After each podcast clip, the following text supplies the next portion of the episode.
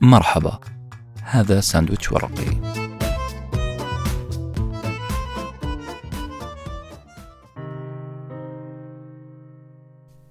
حلقة فولت عالي. واليوم دعنا نتفق. أنا قد تعبت ولم يعد في القلب ما يكفي الجراح. أنفقت كل الصبر عندك والتجلد والتجمل والسماح. مساء الخير. الأبيات السابقة للشاعرة السودانية روضة الحاج يجب ألا تمر مرور الكرام على أي واحد فينا والسبب إنها ما تناقش موضوع حب وفراق فقط. إنما تناقش موضوع يأس من علاقة ما يأس من علاقة يبدو إنها كانت من أقوى ما يكون في السابق. من المؤكد بأن من أنفق كل الصبر والتجلد والتجمل والسماح من أجل إنجاح علاقة ما ثم لا تنجح هذه العلاقة. هو شخص وصل أعلى مراتب اليأس. لكن أي نوع من اليأس هذا؟ هل هو يأس إحباط أم يأس تسليم ورضا؟ نعم فقد يكون هذا الذي أنفق كل ما يمكن من أجل نجاح علاقة ما لم تنجح. هو شخص راضي عن نفسه في النهاية. شخص يتمنن على الطرف الآخر من باب التذكير وإخلاء المسؤولية. الشاهد أنه لكل قصيدة مناسبة. وللأسف لم أتوقع بأن هذه الكلمات حتكون مناسبة لي أنا قصة علاقة بيني وبين صديقي علاقة انتهت رغم حسن النوايا رغم أننا أنفقنا فيها كل الصبر والتجلد والتجمل والسماح.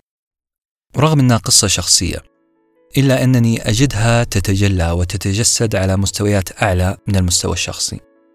هي قصة قصة شخص حالم عنده طموح يعيش بخيال وذهول. وآخر واقعي يلعب لعبة الحياة بكل أصول. خلوني أحكيكم قصتي مع صديقي. التاريخ قبل أربعة أشهر. المكان مكاتب كيوبيكل مفتوحة في الدور الثالث. الجو هادي جدا لا تسمع فيه إلا فحيح التكييف المركزي. الشخصيات أنا وزميلي في العمل. صراحة كان أكثر من زميل عمل. كان صديق عزيز ويهمني أمره. أنا كنت مشغول في أوراق خاصة وصديقي يبدو متربصا بي لسبب ما.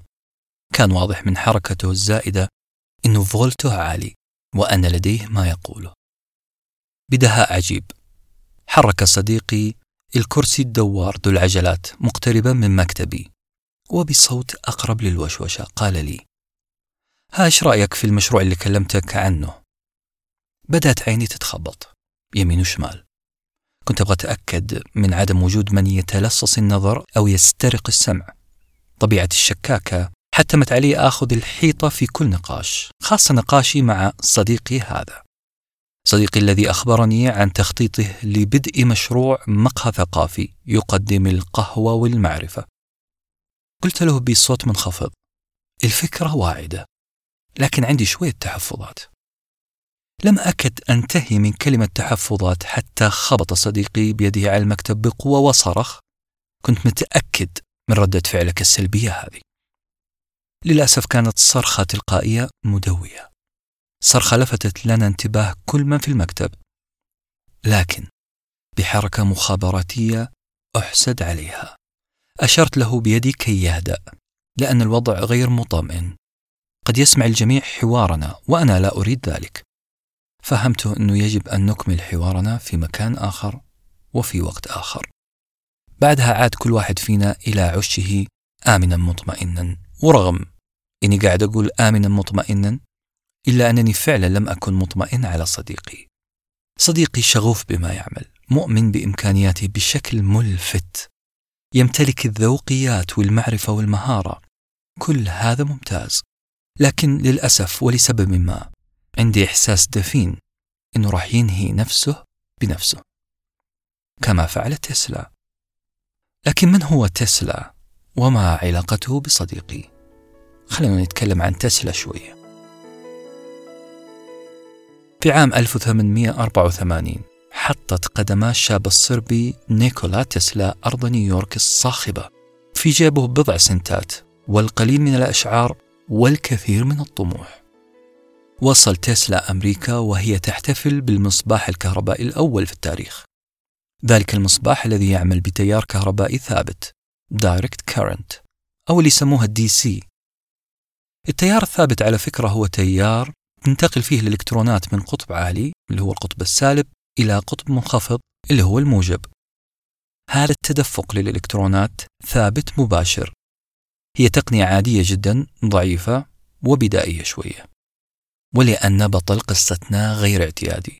تسلا لم يكن اعتياديا أبدا. كان شاب عنيد متمكن من ألاعيب الكهرباء. لذلك فهو لم يرتاح يوما لهذا التيار الضعيف التيار الذي لا يتعدى كيلومتر تقريبا. تسلا بدأ يتوعد الكهرباء ويعد مديره بأنه سيحل مشكلة ضعف التيار. المدير بالتالي تحداه وراهنوا على مكافأة خمسين ألف دولار. إذا نجح تسلا في فكرته. انكفأ تسلا يعمل ليل نهار ولساعات طوال حتى وجد أن الحل هو في التيار المتردد أو ال AC يعني الإلكترونات الآن ما عاد حتتحرك في اتجاه واحد بس زي التيار الثابت لا هو تيار متردد بمعنى أنه سيتحرك من السالب للموجب ومن الموجب للسالب. هذا معناه أن التيار الكهربائي سيصل لمسافات بعيدة جدا. كل شيء على ما يرام. كل شيء جميل في حياة تسلا. الرجل أوجد تيار قوي جدا. الرجل سيساهم في رفاهية المجتمع. لكن لا. ظهر أول شرير في حياة تسلا. واسمحوا لي أني أستخدم كلمة شرير. لم أجد أي وصف آخر يناسب. هذا الشرير حاول منع تسلا من إظهار اكتشافه. شرير حلقتنا اليوم كلنا نعرفه. كلنا نحفظ اسمه. هذا الشرير هو مدير تسلا. اللي اسمه توماس أديسون. توماس أديسون هو من أخاف عليك منه. قلت هذه الجملة لصديقي.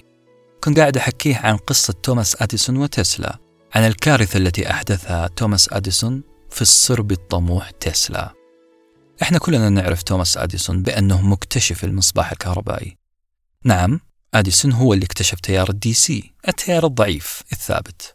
توماس أديسون ورغم كل الاقتباسات اللي نقتبسها منه إلا أنه قد يمثل للبعض الفكر الرأسمالي التنافسي البراغماتي الجشع. للأسف مو بس براغماتي. قد يصل الأمر بأن يفشل أديسون أي اختراع ينافس اختراعاته. أديسون ليس عالما فقط بل رجل ذو جاه وسمعة وفلوس وعلاقات. كنت قاعد أكلم صديقي بكل صدق. كنت أحاول أن أوصل له فكرة إنك يا صديقي أنت راح تواجه سوق شرسة ومنافسة ضارية. كنت أحاول أن أوصل له فكرة أنه نعم شغفك حماسك علمك كلها رؤوس أموال ملهمة كلها تساعدك للنجاح لكن علمك ما يكفي معرفتك ما تكفي شغفك لا يكفي. للأسف صديقي كان عنيد ولما أقول عنيد فأنا أقصد أنه عنيد في المثالية قابل واقعيتي برفض شديد. وأمطرني بعبارات استهجان كان أهجنها قوله سأنجح رغما عنك رغما عن كل مرجف سأنجح رغما عن كل أديسون. وأنا أنظر لوجه صديقي كأنني أنظر لوجه تسلا. كلاهما اتسما بالعناد. أتخيل تسلا كان يقول في نفسه وللناس رغم أنف أديسون سأنجح. ولماذا يقول تسلا عن أديسون هذا الشيء؟ لأنه ببساطة أديسون عمل حملات تشويه لتيار تسلا. أديسون اعتبر التيار المتردد اللي طوره تسلا مجرد مضيعة وقت. نعم أديسون فاهم السوق صح. كان متأكد من أن السوق ما يعرف رحمة وأحيانا بلا أخلاقيات. أديسون بدأ حملة تشويه سمعة لهذا الاكتشاف اكتشاف تسلا. عمل بروباغندا متسلحة بالإعلام ومتزينة برداء التجارب العلمية. اتهم أديسون التيار المتردد بأنه خطر على البشرية وهذا الشيء لأنه فولته عالي. هذا الفولت العالي قد يحرق مدينة قد يقتل البشر. غريبة. كيف لعالم مكتشف خلد التاريخ ذكراه؟ أنه حارب اكتشاف قد يقفز بالبشرية مئة سنة ضوئية للأمام. هل كان أديسون فعلا مقتنع بخطورة التيار المتردد؟ هل واقعيته وشخصيته البراغماتية طغت على الشخصية الأخلاقية العلمية؟ تخيلوا أن حرب الكهرباء بين أديسون وتسلا وصلت لدرجة عنيفة لدرجة أنه أديسون استخدم تيار تسلا لصعق حيوانات كالفيلة والكلاب. منظر مخيف. قد يفزع كل الناس من تيار تسلا. ومو بس كذا. تصور عزيزي المستمع عزيزتي المستمعة أنه تم قتل شخص محكوم عليه بالإعدام باستخدام الكرسي الكهربائي وتيار تسلا. ليش كل هذا؟ هل أديسون يحاول أن يثبت أن التيار المتردد خطير على البشرية؟ هل كل هذه الحملة كي لا يخطف تيار تسلا الأضواء من تيار أديسون؟ إذا كانت هذه التوقعات والتكهنات صحيحة أنا مضطر أقول برافو يا أديسون تم تطبيق الغاية تبرر الوسيلة في أبشع صورة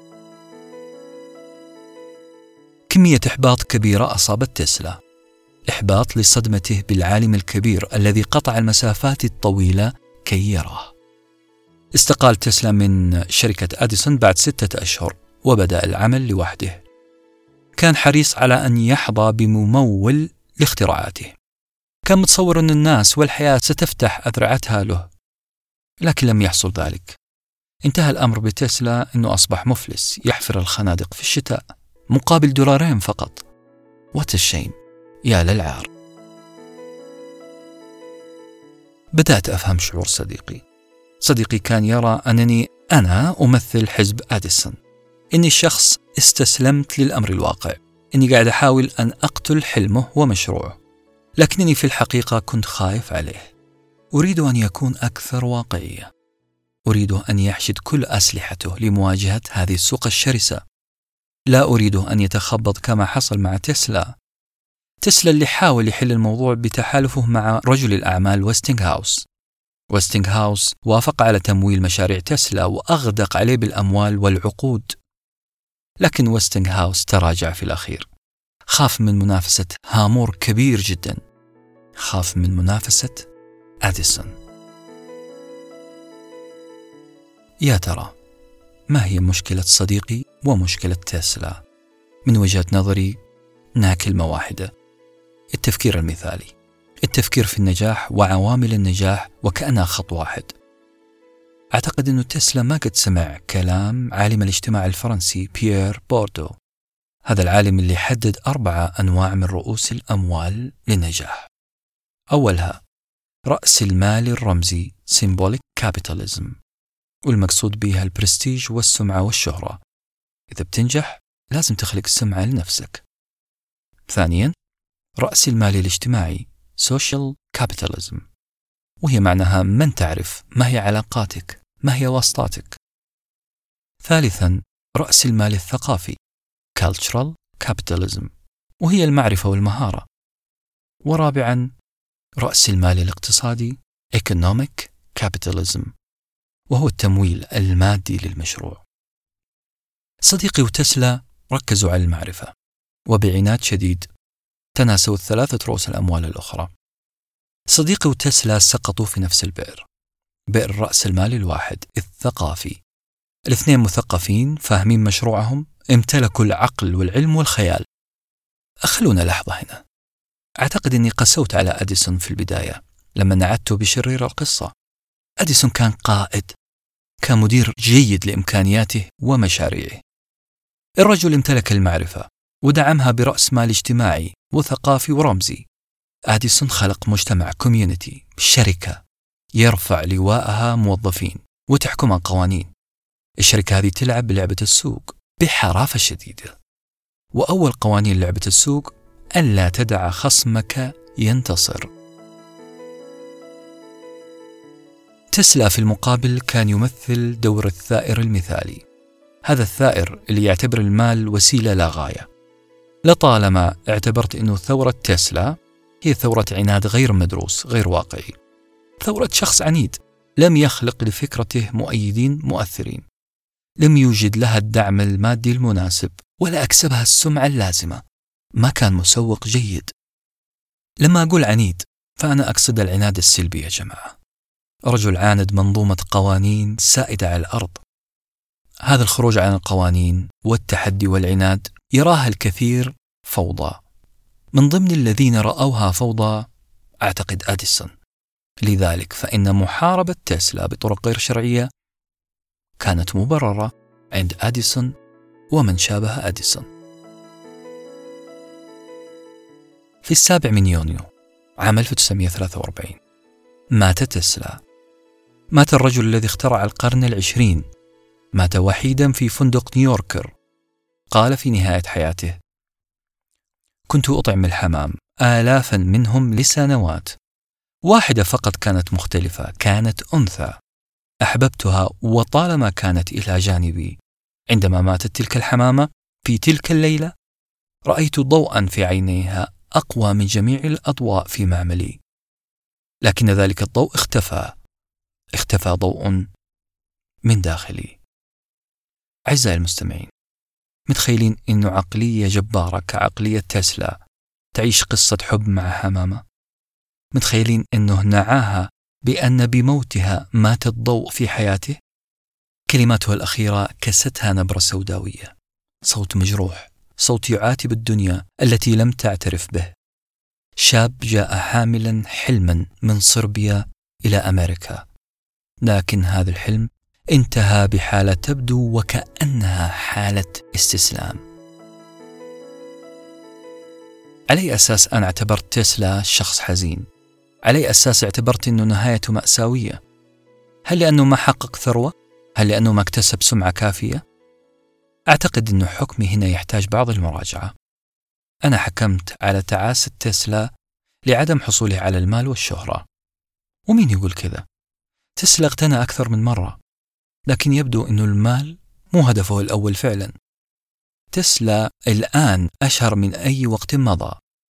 تسلا وبسبب اكتشافاته وجد الإرسال اللاسلكي. بسبب خياله ننقل الآن الصورة والصوت عبر الأثير. بسبب تسلا الآن تسمعوني وأنا أخذ فيدباك منكم.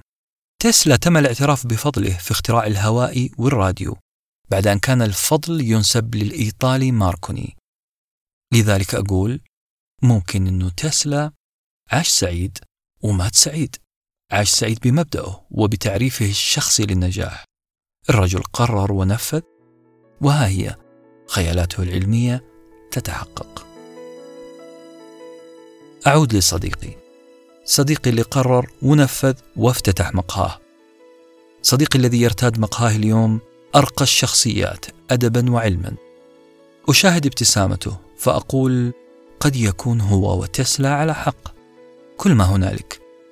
إني بواقعية مبالغ فيها. كنت ولا زلت خايف على صديقي وخايف من مثاليته. كل ما هنالك أنني لا أريد أن أسمع صديقي يردد كلمات روض الحاج في ملحمتها اليائسة حين قالت: واليوم دعنا نتفق، أنا قد تعبت ولم يعد في القلب ما يكفي الجراح. أنفقت كل الصبر عندك. والتجلد والتجمل والسماح. أنا ما تركت لمقبل الأيام شيئا، إذ ظننتك آخر التطواف في الدنيا، فسرحت المراكب كلها وقصصت عن قلبي الجناح.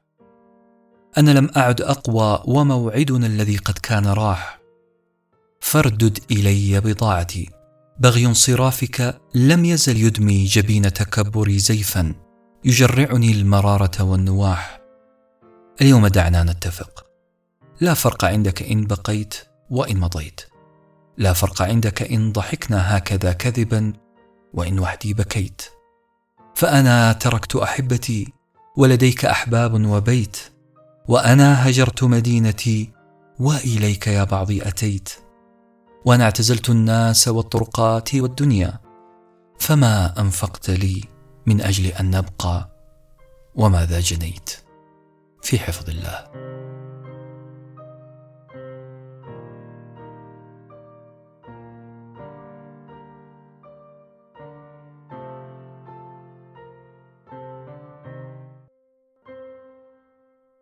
كنتم مع ساندويتش ورقي وجبة معرفية نتشارك لذتها.